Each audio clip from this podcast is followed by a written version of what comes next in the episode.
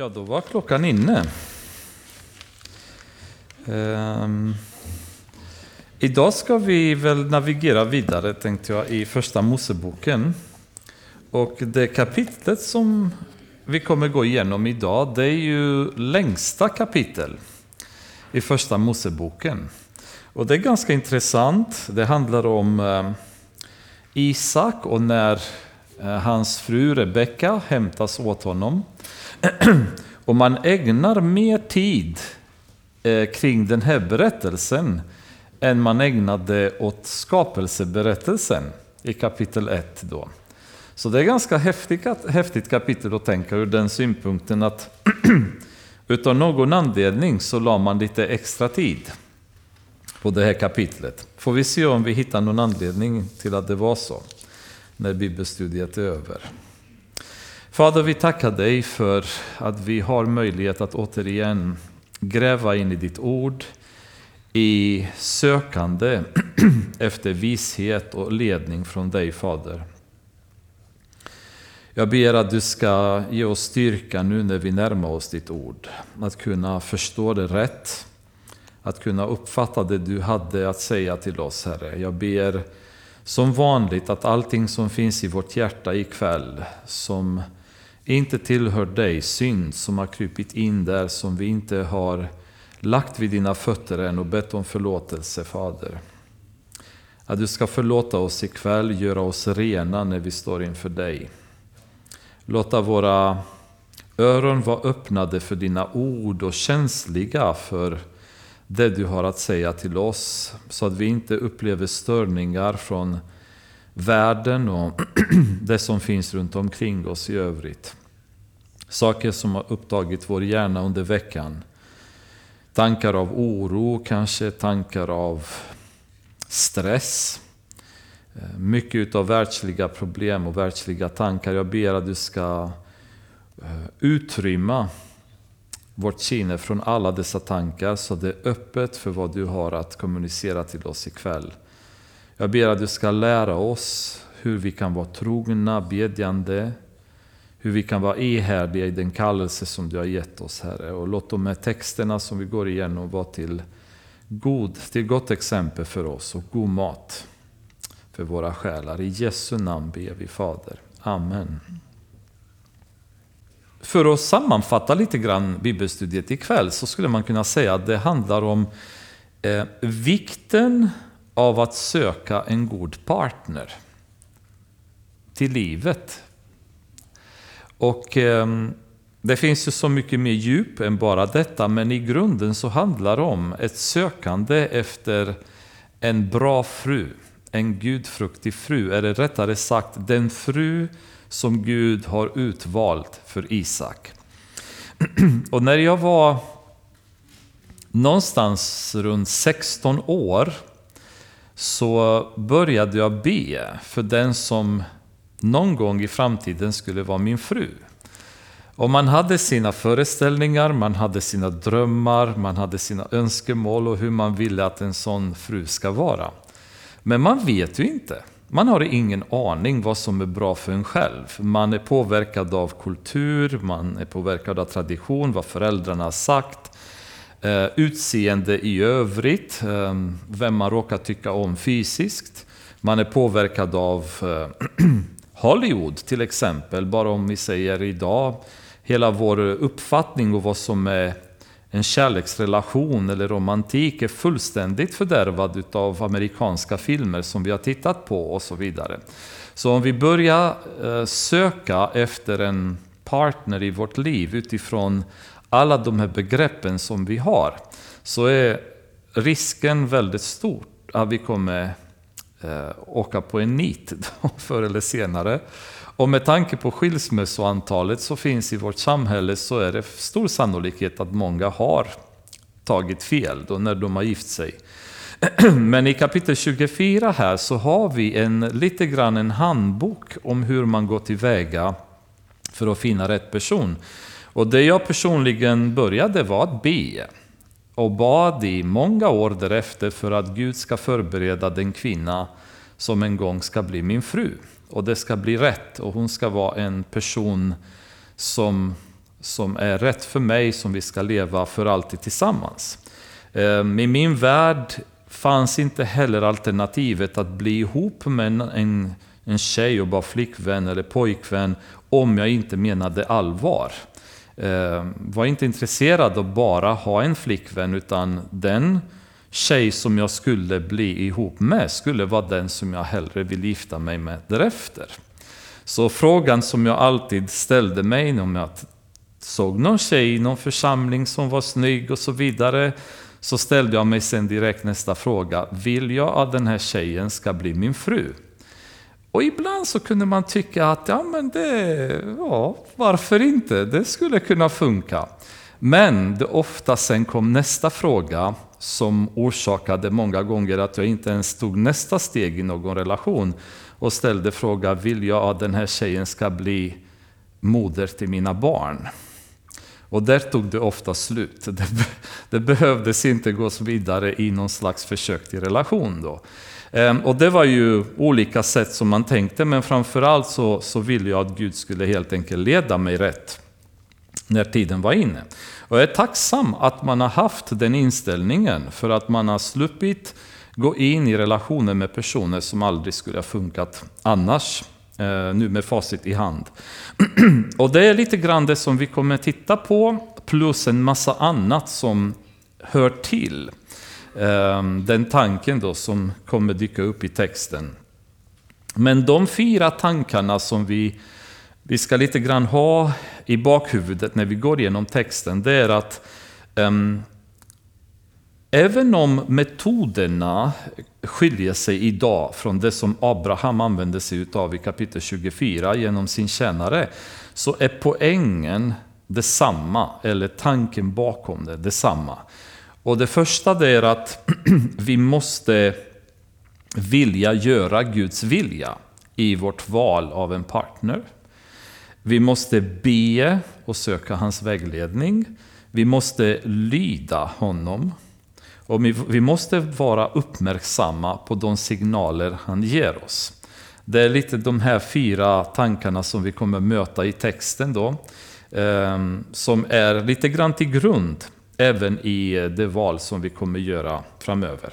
Och det handlar inte bara om att välja en fru, utan det blir mycket bredare än så. Men texten handlar just om det. Men vi kan börja läsa i vers 1, kapitel 24.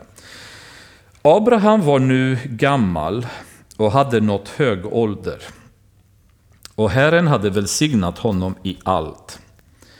Då sade Abraham till den äldste tjänaren i sitt hus, den som hade ansvar för allt som Abraham ägde.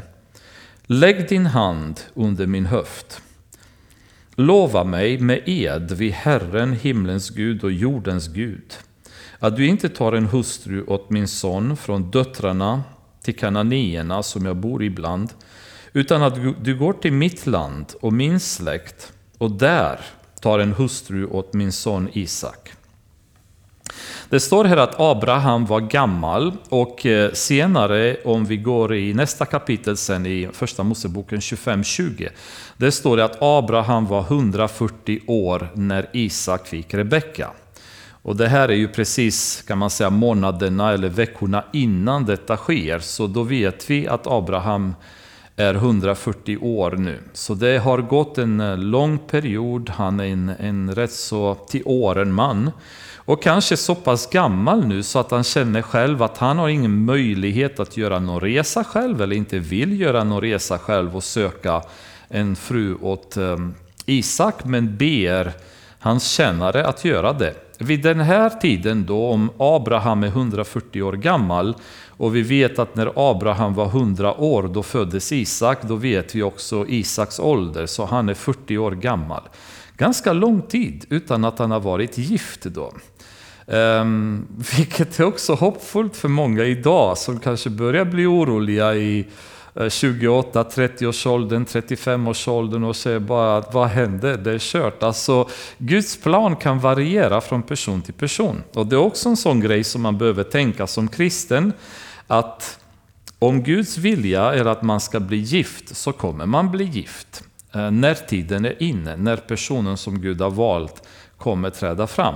Så att man, eh, man inte känner pressen från omgivningen. För att när mina kompisar börjar gifta sig och de eh, har sina egna familjer och jag går fortfarande singel. Jag har knappt några att umgås med längre för de som jag brukade umgås med, alla gifta och shit numera. Då blir det att man börjar känna, känna en press. Och det är då också misstag görs. Det är då många från församlingen som kanske inte riktigt orkar vänta länge går ut i världen och söker sig där någonstans, börjar leta sig på några kontaktannonser eller vad som helst. Och då är det misstag som börjar göras. Att man istället är tålmodig, fortsätter att be, fortsätter att söka Gud och väntar på att tiden ska vara inne tills det blir rätt. Och rätt kommer det bli förr eller senare då oavsett. Men Isak var ju 40 år, så han var rätt, rätt i åren och fortfarande inte hade någon kvinna i sitt liv. Men Abraham kallar sin tjänare och vem tjänaren är vet vi inte för under hela det här kapitlet så utnämns han bara med ordet tjänaren. En del tror att det kan ha varit Eliezer från Damaskus som nämns tidigare i första Moseboken. Men vi vet inte. Ehm, han är tjänaren, men vi vet ju att han var den äldste tjänaren i sitt hus och hade ansvar för allt som Abraham ägde. Dem. Så han var ju, kan man säga, Abrahams VD i verksamheten, om man kan kalla honom så. Det var han som hade ansvar för alla Abrahams ägodelar.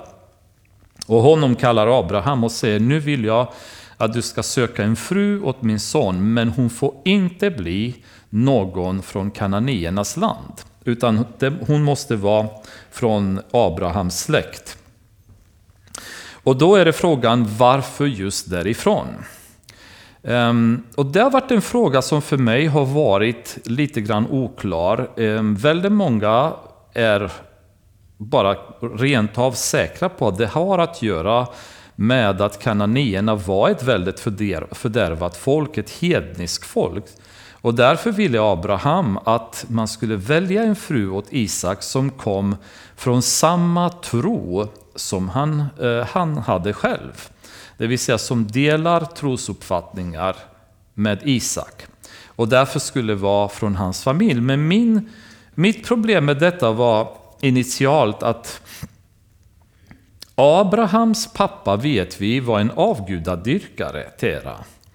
Så, och hans släkt bodde inte i, Kanaan, utan de bodde kvar i Haran som var ungefär eh, 100 mil bort, norr från där de bodde. Nuvarande södra Turkiet däromkring. Och ehm, jag uppfattade att de inte riktigt hade delat samma tro. Men vid lite mer forskning så finns det en vers som faktiskt tyder på att det inte så var fallet. Utan att Nahor, som var Abrahams bror, hade också kommit i tro på den sanna guden, ehm, liksom Abraham. Ehm, och det på grund av att i första Moseboken kapitel 31, vers 53, när det uppstår en tvist mellan Jakob och Laban, Laban som är Nahors eh, barnbarn kan man väl säga. Det uppstår en tvist mellan de två och då vill de eh, då pratar Jakob om att Abrahams och Nahors Gud ska döma i den här tvisten. Och det var en väldigt eh, nyckelvers som kan förklara till varför Abraham ville så noga och till och med får hans tjänare att svära på att han inte skulle hämta en fru någon annanstans än just vid hans släkt. Därför att uppenbarligen så hade Nahor samma religion nu som Abraham. Han hade accepterat Gud och tillbad den sanne guden. Och vi kommer se en vers vidare när vi läser även i kapitel 24 att som tyder tydligt på att de troligen hade samma tro. Och då är det väldigt viktigt för Abraham detta, eh, om man kan säga som första steg i att leta en partner, det är att se till att din partner delar tro med dig. Leta inte en partner som tror på något annat än den du tror på, därför att det kommer bli problemfyllt. Ehm, vi vet att enligt lagen i eh, femte Moseboken kapitel 7 så förbjuds giftermål mellan israelitiska män och kvinnor från hedniska religioner. Ehm, men detta förbud bryts sen jättemånga gånger, men det, vi ser att det är i princip varenda gång, varenda gång det, det förekommer kompromiss i detta så leder det till problem. Och vi, vi, skulle kunna gå igenom flera sådana exempel, men praktexemplet är Salomo som är visaste människan som någonsin har levt på jorden. Men som på slutet av hans liv börjar ta sig kvinnor från andra, andra religioner och andra länder runt omkring. Och de leder honom in i avgudadyrkan och fördärv. Och denna eh, eh så att säga, Korsgiftermålet är därför förbjuden eh, redan i, i, eh, under Mosetid, där israeliterna fick inte beblanda sig med andra nationaliteter utan hålla sig rena i, eh, i relationer med varandra. Vidare i Nya Testamentet, om vi läser i Andra Korintierbrevet kapitel 6, så uppmanas vi till samma eh, tankesätt som kristna. Eh, och det, det förklarar sig nu mer ingående. Där det står så här i vers 14 kapitel 6. Gå inte som omaka par i ok med de som inte tror. Vad har rättfärdighet med orättfärdighet att göra? Eller vad har ljus gemensamt med mörker? Vilken samstämmighet har Kristus med Beliar? Eller vad, vad kan den som tror dela med den som inte tror? Vad kan Guds tempel ha för gemenskap med avgudarna? Vi är den levande Guds, Gudens tempel, för Gud har sagt, jag ska bo hos dem och vandra bland dem och vara deras Gud, och de ska vara mitt folk.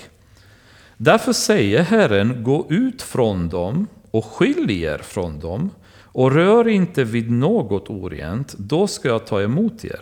Och jag ska vara er far och ni ska vara mina söner och döttrar, säger Herren den allsmäktige.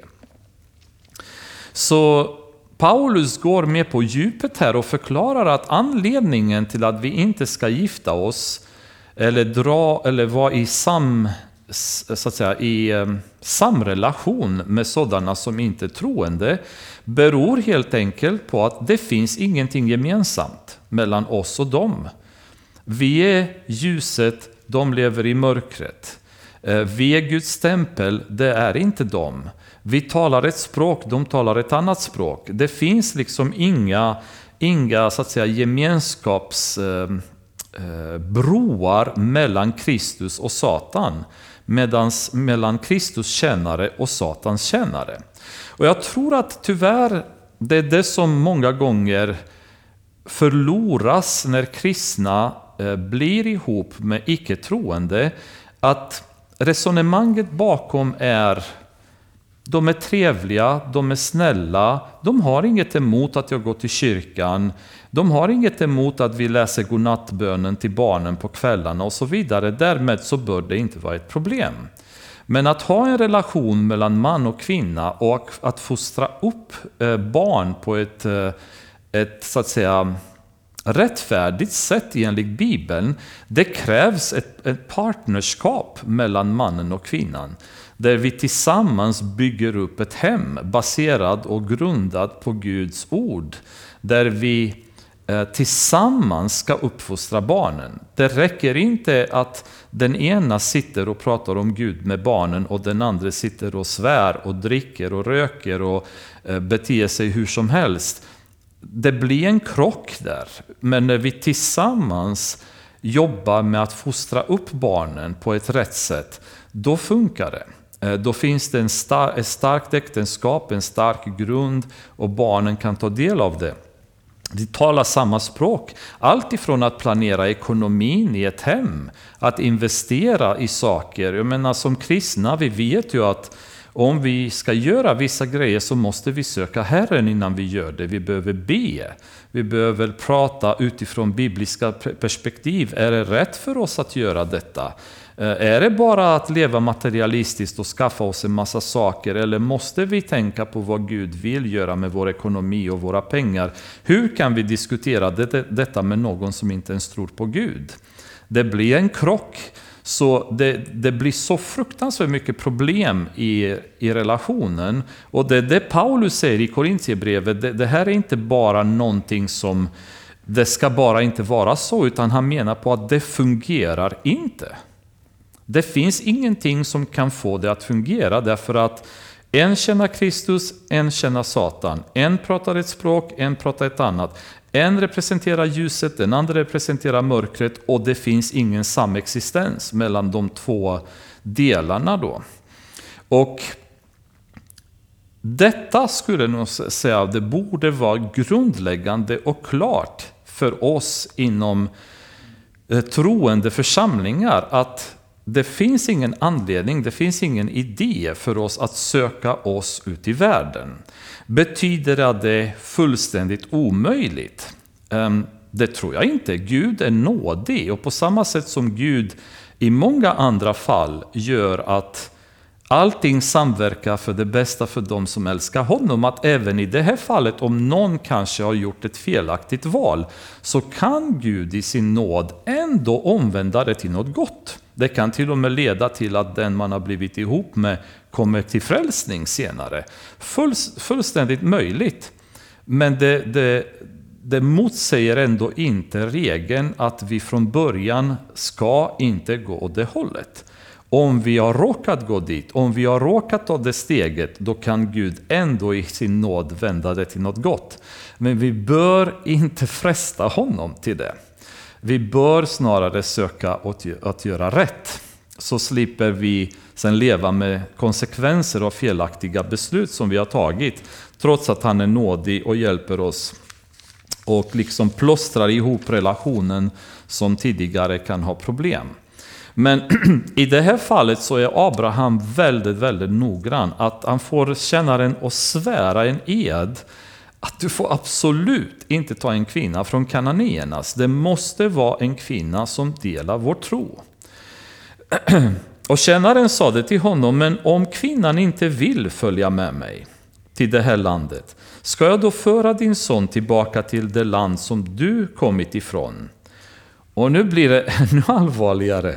Abraham svarade honom, se till att du inte för min son tillbaka dit. Så under inga omständigheter ska du föra min son tillbaka till det, till det landet då. Utan här är ju det landet där min son ska befinna sig. Här är det landet där min son ska leva och inte riskera vara någon annanstans. Och det som är intressant, så håll i bakhuvudet hela tiden att Isak används ofta som en bild av Jesus i Bibeln. Ni kommer ihåg när han var på berget Moria och skulle offras och hur det var en bild av Jesu offer för oss.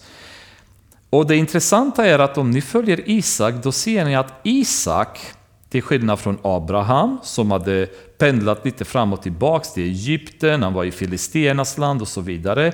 Jakob i sin tur hade varit iväg i Haran och sen hade han dessutom dragit till Egypten i slutet av sitt liv. Till skillnad från de två så har Isak aldrig lämnat Kanaan. Vi hittar inte honom någon annanstans än i Kanaan. Jesus har aldrig lämnat det förlovade landet. Han har inte gått till länderna runt omkring, han har bara varit där. Och Det är väldigt intressant att Abraham är så oerhört noga att under inga omständigheter får Isak resa tillbaka dit. Utan det är bara tjänaren som får åka dit och försöka hämta en fru åt honom därifrån. Herren himlens Gud som har tagit mig från min fars hus och från det land där jag föddes, han som har talat till mig och gett mig sin ed och sagt åt dina efterkommande ska jag ge detta land, han ska sända sin ängel framför dig så att du kan hämta en hustru åt min son därifrån. Så Abraham säger till honom att Gud har lovat, hon, har lovat Abraham stora ting. Och än så länge har Gud uppfyllt alla sina löften. Och nu är Abraham helt säker på att Gud kommer sända sin ängel i förväg och ängeln kommer förbereda eh, vägen så att säga för kännaren helt enkelt så att det kommer bli bra. I Ordspråksboken kapitel 3, eh, den versen har vi läst några gånger men vi kan läsa det igen. Och denna gång så, så kanske ligger vi och betonar en del av det. Kapitel 3, vers 5 och 6. Förtrösta på Herren av hela ditt hjärta. Förlita dig inte på ditt förstånd. Räkna med honom på alla dina vägar så ska han, och här blir det intressanta, jämna dina stigar. Vad Abraham säger just nu det är att Guds ängel kommer gå framför dig. Han kommer jämna dina stigar för dig. Han kommer förbereda så att allting faller på plats så att du lyckas med ditt uppdrag. När, när Mose när, när Gud pratade med, med Mose om det förlovade landet så berättade han för Mose hur viktigt det kommer bli att Israels folk lever rättfärdigt. Och om så är fallet, vad Gud då kommer göra för dem i gengäld. Och jag vill att vi läser hela den här biten i Andra Moseboken, kapitel 23. Där detta med att jämna stigarna blir betydligt mer detaljerade beskrivna av Gud. Eh, kapitel 23 och så läser vi från vers 20 till vers 30. Väldigt, väldigt fint, fin passage eh, om hur Gud kommer behandla folket. Se, jag sänder en ängel framför dig och han ska bevara dig på vägen och föra dig till den plats som jag har förberett. Ta dig tillvara för honom och lyssna till hans röst. Var inte upprorisk mot honom. Han kommer inte att förlåta era överträdelser, för mitt namn är i honom.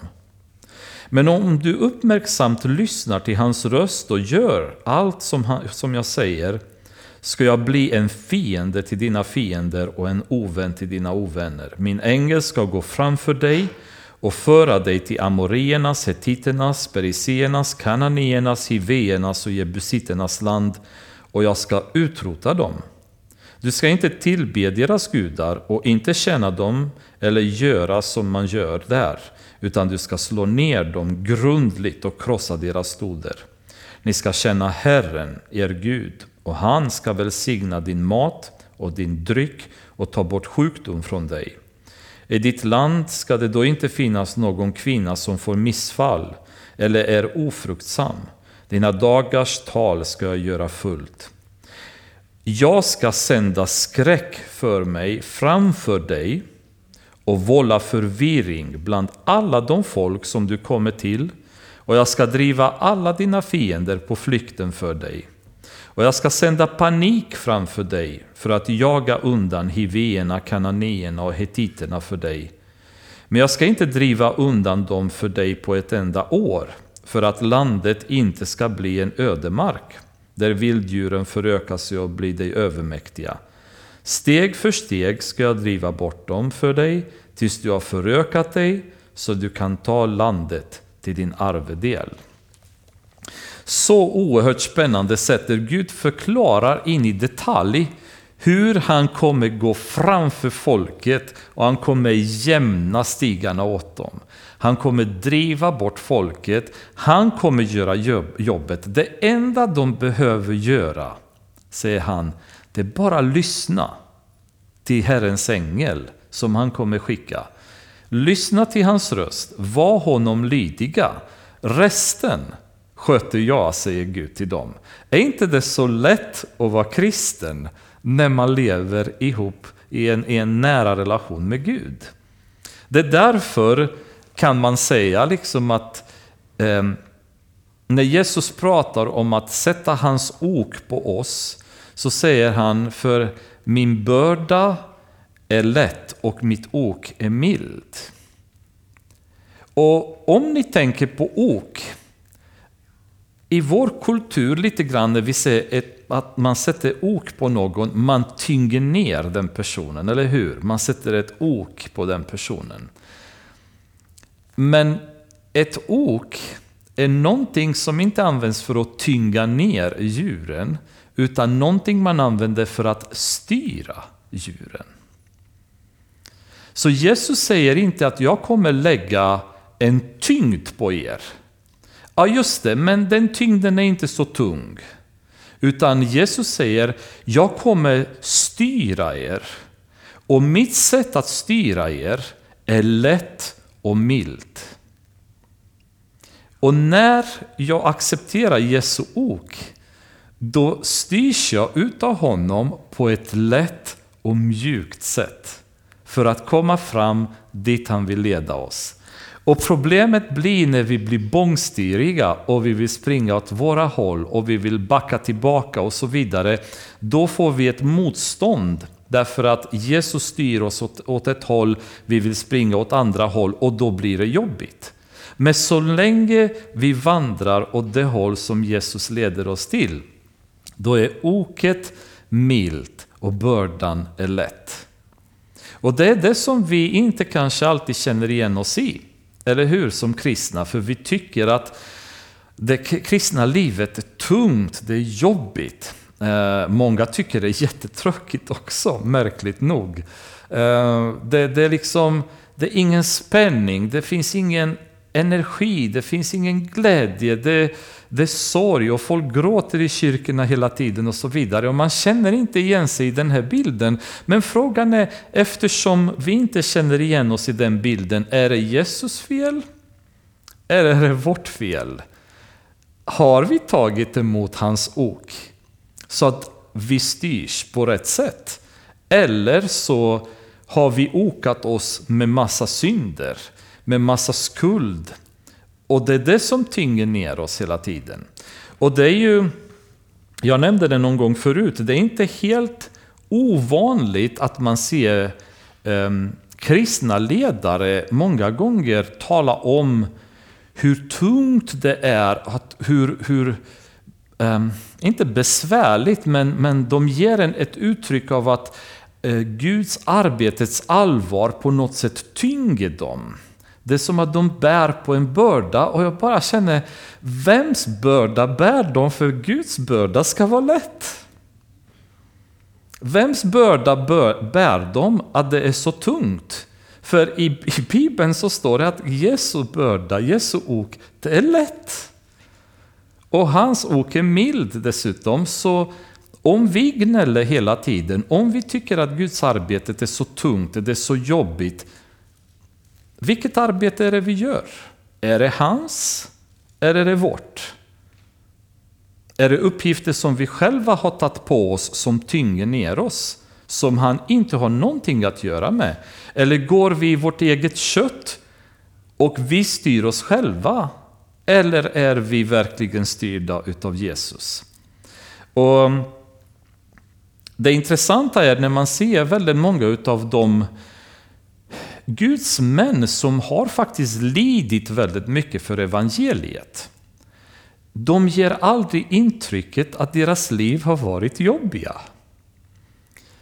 Det är lite märkligt, för de man ska tycka om någon så borde de ha rätt att klaga. Och jag sa att jag började läsa nu eh, Foxys Book of Martyrs om martyrer genom kristendomens historia. Och det jag slåss över, och det är till den, den, den punkten där man bara skäms nästan och kallar sig själv som kristen när man läser den boken.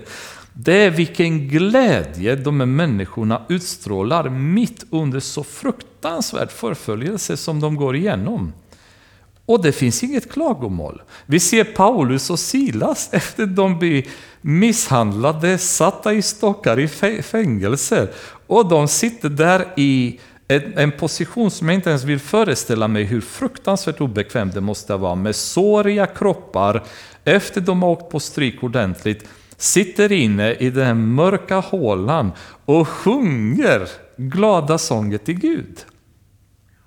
När man ser på de här liven så ser man att ja, men det stämmer det Jesus säger. Hans, ok, hans börda är lätt, hans ok är mild. Men när vi tittar på väldigt många utav församlingarna idag så har jag mycket svårare att se den här bilden. När vi går hela tiden tyngda och det är jobbigt och det är tufft och vi håller på nästan på väg att gå in i väggen och vi kommer in. Men vems börda bär vi i så fall? Vems ok har vi på oss? För om det är Jesu ok, det ska inte vara den effekten vi upplever i våra liv. Så jag tror att vi behöver tänka på detta, för hans ok styr oss rätt. Och när hans ok, när han styr oss, vad händer då? Då går hans ängel före oss och jämnar ut vägen åt oss. Alla hinder som annars är omöjliga att klättra på eller gå runt eller spränga oss igenom blir bortblåsta utav hans makt som går hela tiden före oss och jämnar ut vägen för oss. Då slipper vi banga huvudet mot väggarna hela tiden. Då slipper vi gå i egen kraft och uppleva depression och uppleva frustration och uppleva bitterhet och uppleva att vi har gått in i väggen så det skriker om oss. Därför att det finns ingen anledning att uppleva det när Herrens ängel går framför och bara jämnar ut. Och praktexempel det är Jeriko som var en, en stad som var ointagligt för israeliterna när de kom. Och de behöver inte röra ett finger än bara följa Gud och gå runt staden hela tiden och sen plötsligt faller allting samman. Finns det något bättre exempel på vad det innebär att ha Guds eller Herrens ängel och gå framför en? De största murarna, de mest ointagliga portarna, de sprängs sönder när Herren går före oss. Men försök att göra samma arbete i egen kraft och se vad det leder till. Och det ser vi senare när Josua försöker vid Ai att göra saker i egen kraft och de åker på stryk. Därför att de följer inte Gud den gången. De kör sin egen race och då åker de på stryk. Och då måste de tänka om, just det, det är Herrens ledning vi behöver följa. Vi får inte gå i egen kraft, vi får inte ta på oss den börda eller det ok som vi tror att vi ska ha på oss, utan det är han som får leda. Och när han leder, då faller murarna sönder framför oss. Så det är ganska så spännande här att Abraham säger, på grund av det här löftet som Herren har gett mig, så kan jag lova dig nu i tron att Herrens ängel kommer gå före dig. Och han kommer se till att allting löser sig. Men om kvinnan inte vill följa med dig är du fri från denna ed till mig, för bara, för bara inte min son tillbaka dit. Ännu en gång så betonar han det. Då lade tjänaren sin hand under sin herrens Abrahams höft och lovade honom detta med ed. Tjänaren tog sedan tio av sin herres kameler och gav sig iväg med alla slags dyrbara gåvor från sin herre.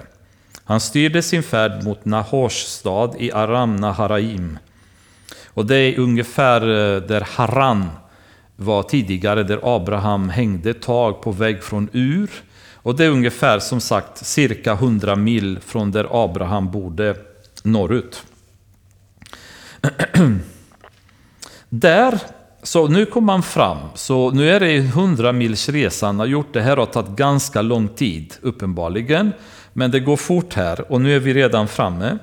Och där lät han kamelerna lägga sig ner vid en vattenbrunn utanför staden. Det var nu kväll, den tid då kvinnorna brukade komma ut och hämta vatten. Och han bad, Herre, min Herre, Abrahams Gud, låt mig få framgång idag och visa nåd mot min Herre Abraham. Jag står här vid vattenkällan och stadens döttrar kommer hit för att hämta vatten. Om jag ber en flicka, räck mig din kruka så att jag får dricka, och hon svarar, drick. Jag ger vatten åt dina kameler också. Låt henne då vara den du har bestämt åt din tjänare Isak. På så sätt ska jag veta att du har visat godhet mot min Herre. Det jag vill att ni ska tänka lite grann upp, det är på den här kännarens attityd. För nu, alltså han har ju gått en lång resa på hundra mil genom öken, genom bergstrakter, säkert farliga områden och så vidare. Och så kommer han fram till Haran. Haran var en relativt stor stad vid den tiden. Och nu vill jag att ni ska tänka er, vad gör vi när vi är på resa någonstans? Alltså om vi åker någonstans. Om jag hade varit i hans sits, helt enkelt. Nu har jag gjort den här långa resan. Nu har jag kommit till Haran. Det vore också ganska lämpligt tillfälle att nu ska jag ta igen mig lite. Ta in på ett eh, bra hotell, fräscha upp mig lite, käka lite god mat. Och när jag ändå är i Haran, jag har aldrig varit här. En, första gången jag kom ut ur Kanaan, precis fått mitt pass, fått Haran-visum. Nu vill jag passa på att gå lite sightseeing också. Se staden, häftiga byggnader, gator, annan kultur, testa maten och så vidare. Det är liksom så här, det här förtjänar jag efter den här långa resan helt enkelt. Han går direkt på uppdraget. Inget sightseeing, inget dra in på hotell och slappna av och gå på spa och få lite massage efter den långa resan. Direkt som han kommer fram, han har bara en tanke, jag måste få det här uppdraget utfört och börja be till Gud och säga Gud hjälp mig. För, för min herre Abrahams skull, hjälp mig att kunna lösa det här problemet. Och det är intressant, den väg han väljer till att få problemet löst. När vi med ödmjukt hjärta, med vilja att göra gott och vara säkra på att vi hör Guds vilja, lägger fram en situation hos Gud, ehm, inte för att fresta honom, därför att att fresta Gud är en synd enligt Bibeln, utan på något sätt för att pröva kring huruvida det vi hör eller det vi uppfattar kommer från honom är gott. Därför att i våra liv så finns det situationer där våra beslut är så extremt avgörande för oss, eller för församlingen, eller för vår familj, eller för en eh, väckelse, eller för Guds vilja i övrigt i våra liv. Så vi måste vara väldigt, väldigt säkra på att när vi säger att Gud har talat, så är vi säkra på att han har gjort det. För det här med att Gud har sagt saker till oss är någonting som väldigt eh, löst används bland väldigt många kristna idag, tyvärr. Där Gud talar till folk alla möjliga grejer. Om man lyssnar ibland på vad de säger så märker man dessutom att Gud har talat ganska obibliska saker till dem många gånger. Eh, men ibland så kan det vara maskerat som att det är väldigt fint. Vi kan till och med tro ärligt på att Gud har talat när ändå inte han har gjort det. Och i det här fallet så känner han vill vara säker på att jag inte kommer tabba mig i det valet. Ni kommer ihåg Gideon när han kallades av Gud för att kämpa mot midjaniterna. Då la han den här fårpälsen ute i gräset och bad till Gud en gång att eh, pälsen ska vara blöt och gräset ska vara torrt och sen andra hållet att pälsen ska vara torr och, och gräset ska vara blöt. Och man kan tycka liksom att efter första gången, men Gideon är det inte klart för dig nu att Gud har talat. Men han är så noga med att han vill försäkra sig att jag inte missuppfattar Guds vilja. Så han går en andra gång och säger nu vill jag att det ska vara tvärtom. Och när andra gången händer då fattar han att det är rätt. Så där tjänaren gör, det är ungefär samma sak här. Och det här tror jag är en regel som vi vi får väldigt gärna tänka på att använda i våra liv. Han lägger fram ett tillräckligt svår, en tillräckligt svår sak att inträffa utav ren tillfällighet eller med mänskligt sätt att tänka. Men ändå ett rimligt sätt att pröva huruvida det han kommer uppleva är från Gud eller inte. Han kunde ha sagt liksom, jag vill att det ska falla en meteorit från himlen och sen ska det komma en text på himlen att den här kvinnan ska, ska vara det rätta. Och det, det hade varit lite mer som Jesus säger, att fresta Gud, vilket är en synd. Men han, han säger, jag vill pröva detta. Och det här är inte någonting lätt. Och anledningen till att det inte är någonting lätt, det beror på att en kamel i snitt efter att inte ha druckit vatten på ett tag behöver dricka ungefär 120 liter vatten.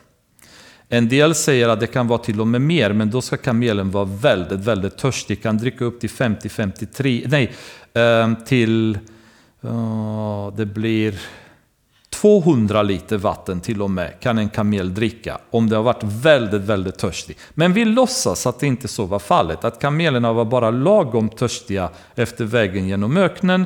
I vilket fall 120 liter vatten var ungefär vad man räknade att de har behövt dricka.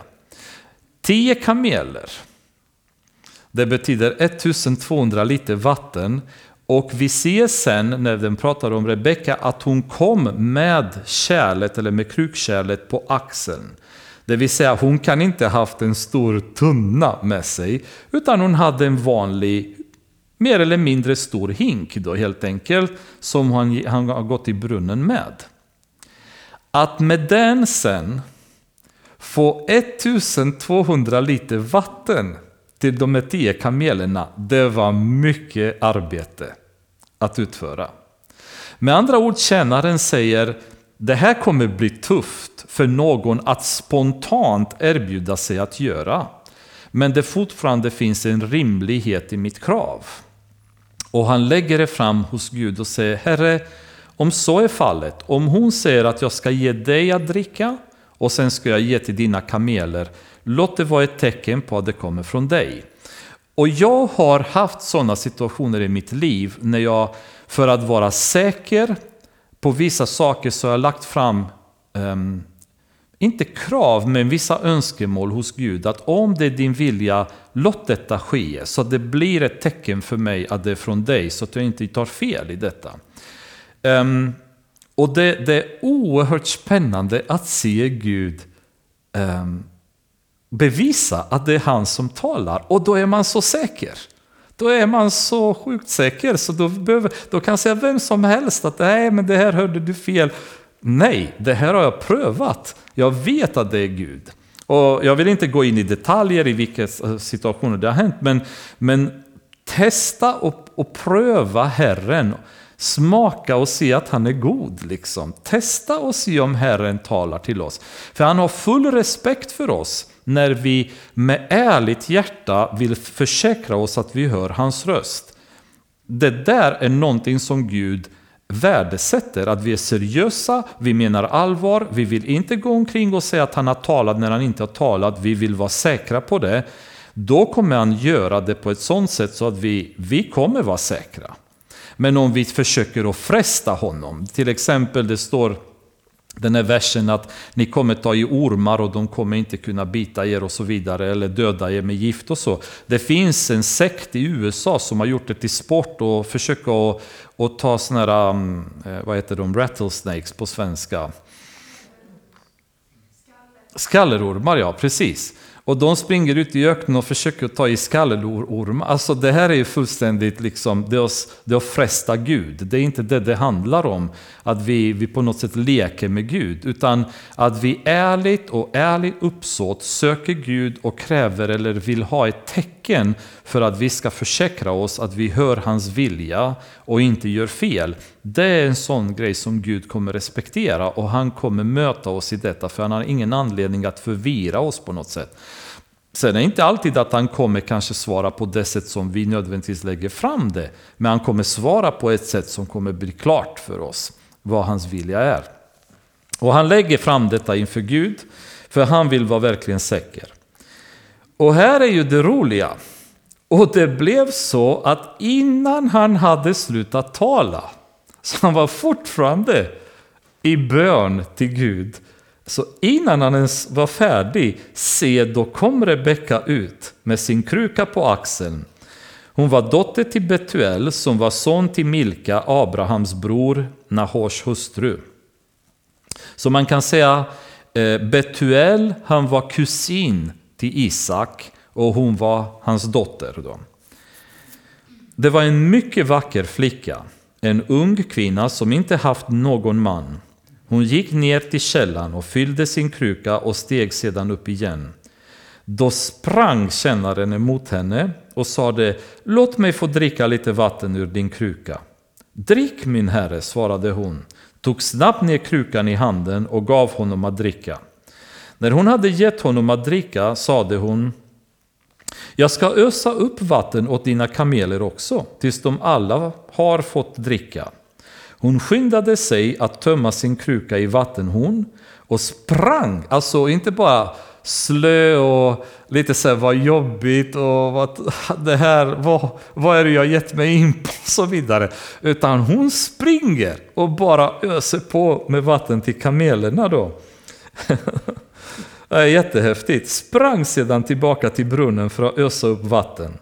Hon öste så upp vatten åt alla hans kameler. Mannen iakttog henne under tystnad.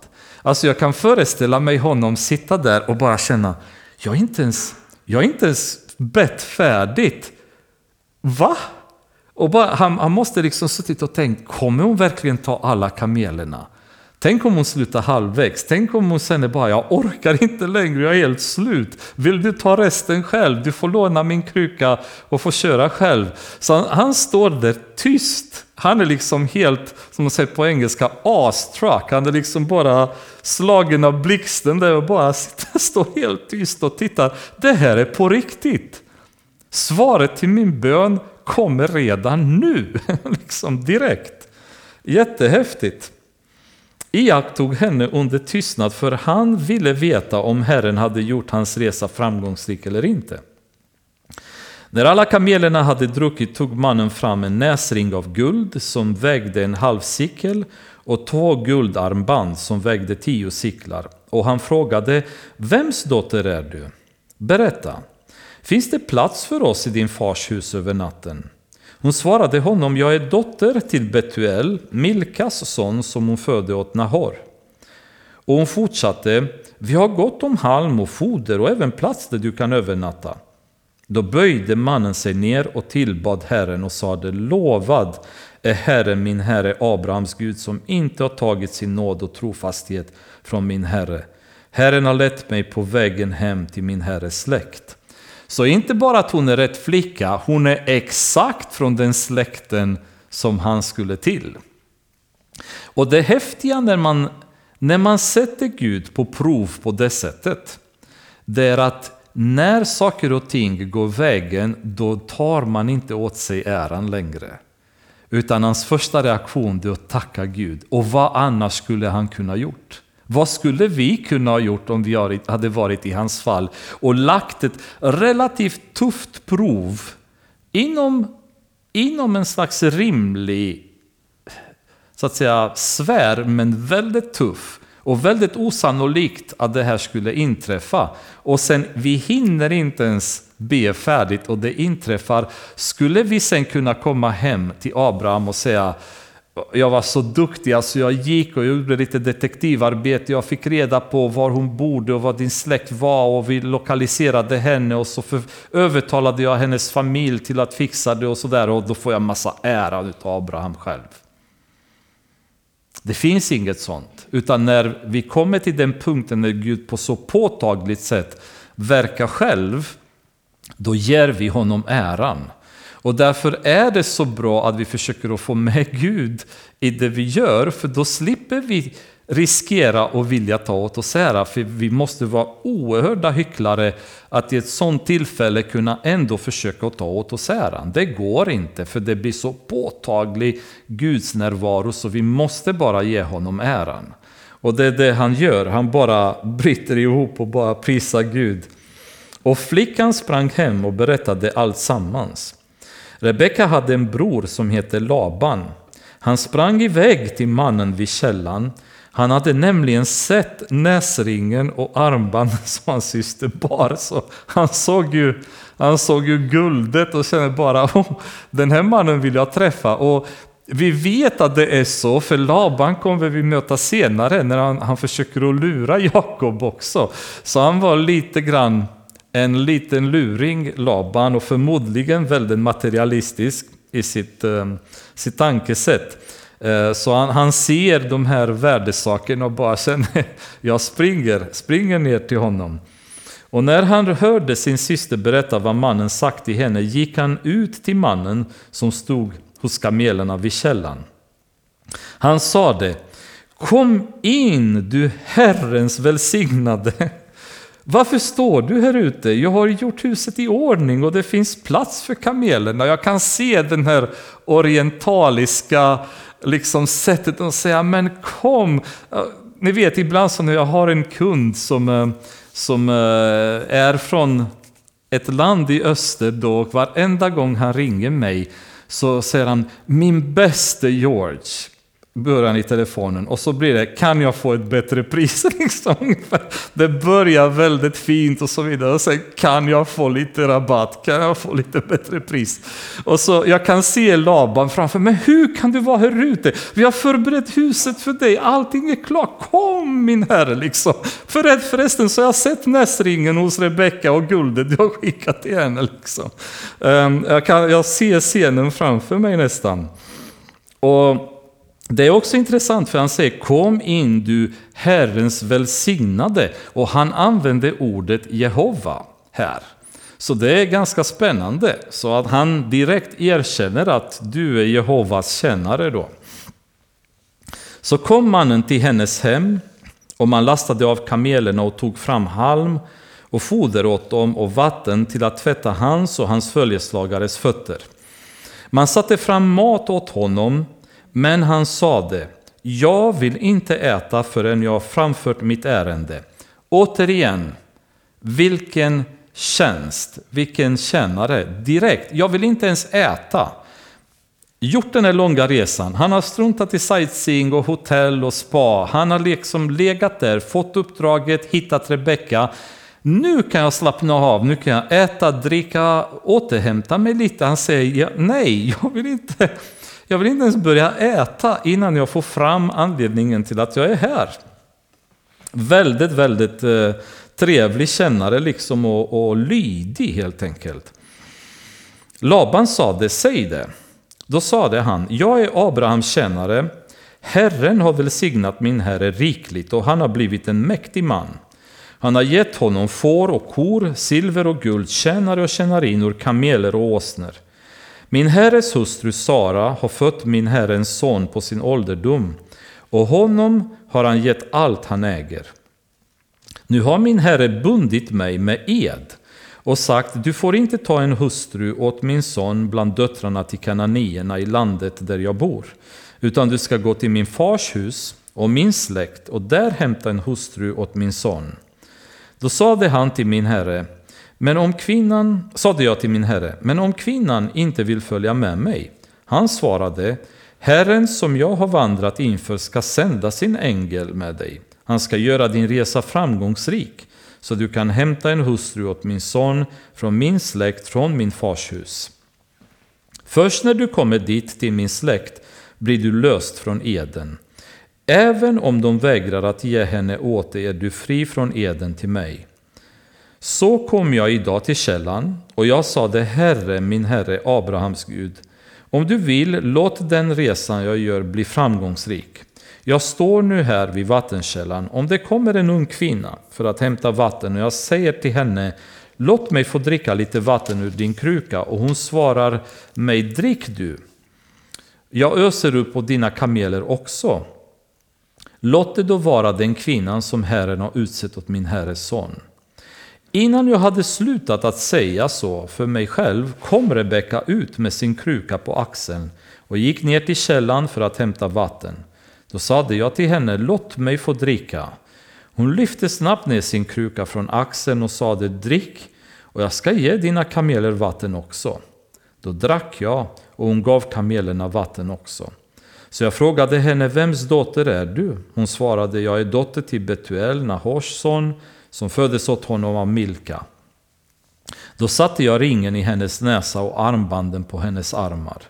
Sedan böjde jag mig ner och tillbad Herren och lovade Herren min herre Abrahams Gud, som hade fört mig på rätt väg för att få en dotter från min herres släkt åt hans son. Om ni vill visa min herres kärlek och trofasthet, så säg mig det. Om inte, så säg mig det, så att jag kan vända mig åt något annat håll, höger eller vänster. Då sade Laban och Betuel, detta är från Herren. Och här får mig att tro att de hade också en tro på Gud.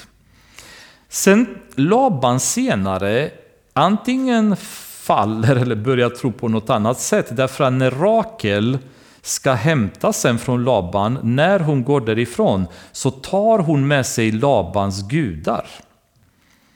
Så huruvida den här var en tro som kanske väldigt många kristna har, har idag, det vill säga jag tror lite på Gud men jag tror lite på andra gudar också. Jag berättade hemma när jag var i Sydafrika så var det väldigt många som var kristna. Och de kunde gå på söndag till kyrkan och sjöng och det var underbara halleluja och så. Sen på veckan så gick de till häxdoktorn och liksom gjorde häxkonster och allting. Så det, det kan vara något sånt här, liksom att det var en blandning av olika gudar. Men uppenbarligen så känns det som att de hade en viss respekt i alla fall för Gud. Detta är från Herren och de, också, återigen, ordet de använder det är Jehova. Liksom. Detta är från Herren, alltså den allsmäktige guden. Vi kan inte säga någon, någonting till dig, varken ont eller gott. Se, det står Rebecka framför dig. Ta med henne och gå, så att hon kan bli hustru åt din herres son, som Herren har sagt. När Abrahams tjänare hörde det föll han ner på marken inför Herren. Sedan tog tjänaren fram silversmycken, guldsmycken och kläder och gav till Rebecka. Han gav också hennes bror och mor dyrbara gåvor. Det blev Laban väldigt glad över kan jag tänka mig. Och han och hans följeslagare åt och drack och stannade sedan över natten. Men på morgonen, när de hade stigit upp, sade han Låt mig nu fara till min herre. Alltså det här är redan dagen efter. Efter han hade vandrat i hundra mil, han bara drack, åt med dem, sov och dagen efter säger han, jag vill härifrån nu. Det är dags att återvända hem, fortsätta och fullfölja uppdraget som jag är här för. Men Rebeckas bror och hennes mor sade, låt flickan stanna hos oss några dagar, tio eller så. Sen kan du fara. Men han svarade dem, håll mig inte kvar när Herren nu har gjort min resa framgångsrik, låt mig gå, jag vill resa hem till min Herre. Vilket exempel för kännare! Alltså han har bara en tanke och jag vill, jag måste slutföra uppdraget. Innan detta är slutfört så kan jag inte slappna av, jag kan inte vila, jag kan inte ägna mig åt mig själv, utan jag måste eh, slutföra uppdraget. Och det är någonting också som vi bör tänka på i, i våra liv därför att vi når vid sådana tillfällen när vi har, vi har uppnått ett mål. Vi har vunnit en strid. Men kriget är inte över.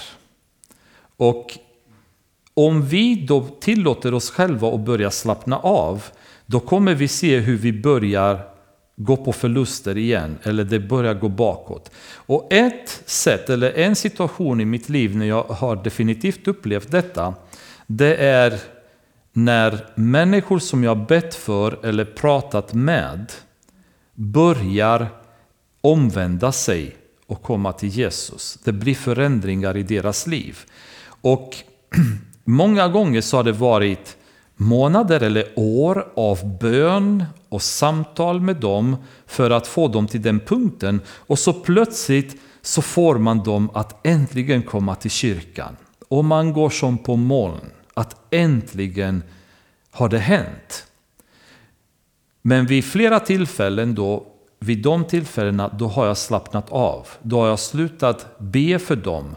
Då har jag slutat Eh, Eh, ägna mig lika mycket åt dem, utan på något sätt så har jag känt mig lite trött, lite matt, att nu äntligen är de här, nu kan jag backa, nu kan jag släppa detta. Och det har resulterat i att då glider de tillbaka.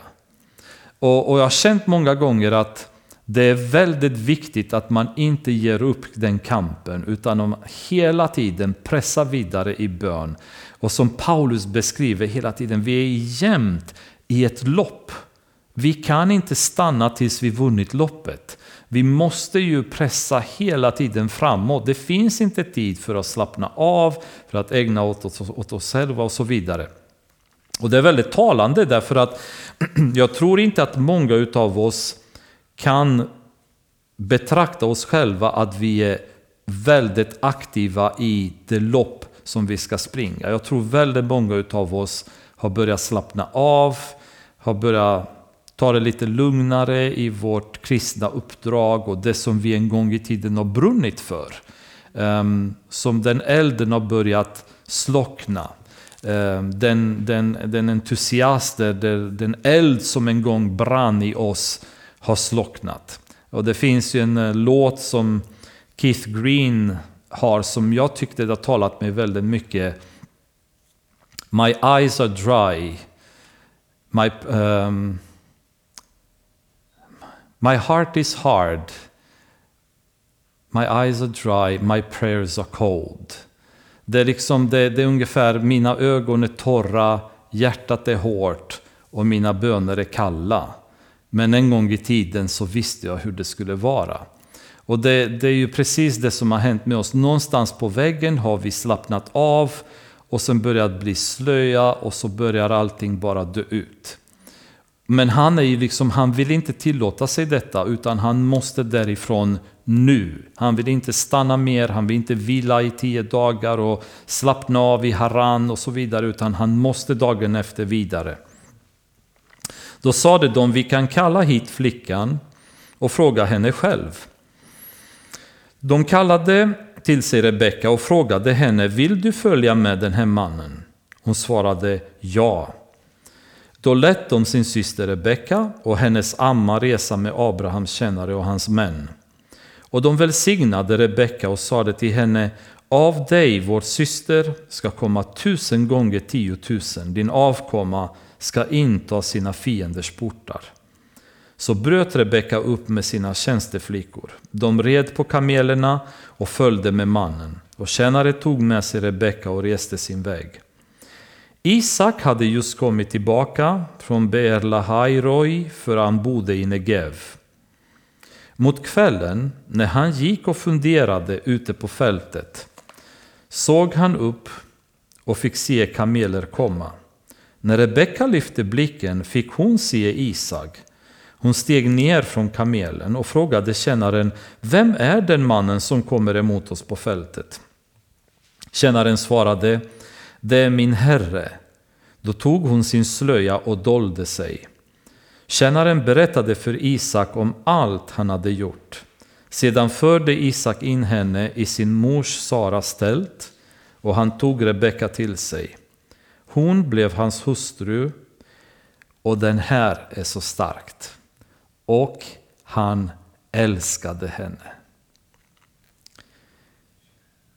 Alltså det, det ordet, bara det så skulle vi kunna ha ett helt bibelstudium om hon blev hans hustru och inte innan hon blev hans hustru han älskade henne och sen när de blev gifta så började de bråka med varandra och de ansökte om skilsmässa och de började hata varandra och det blev bara rabalder hemma.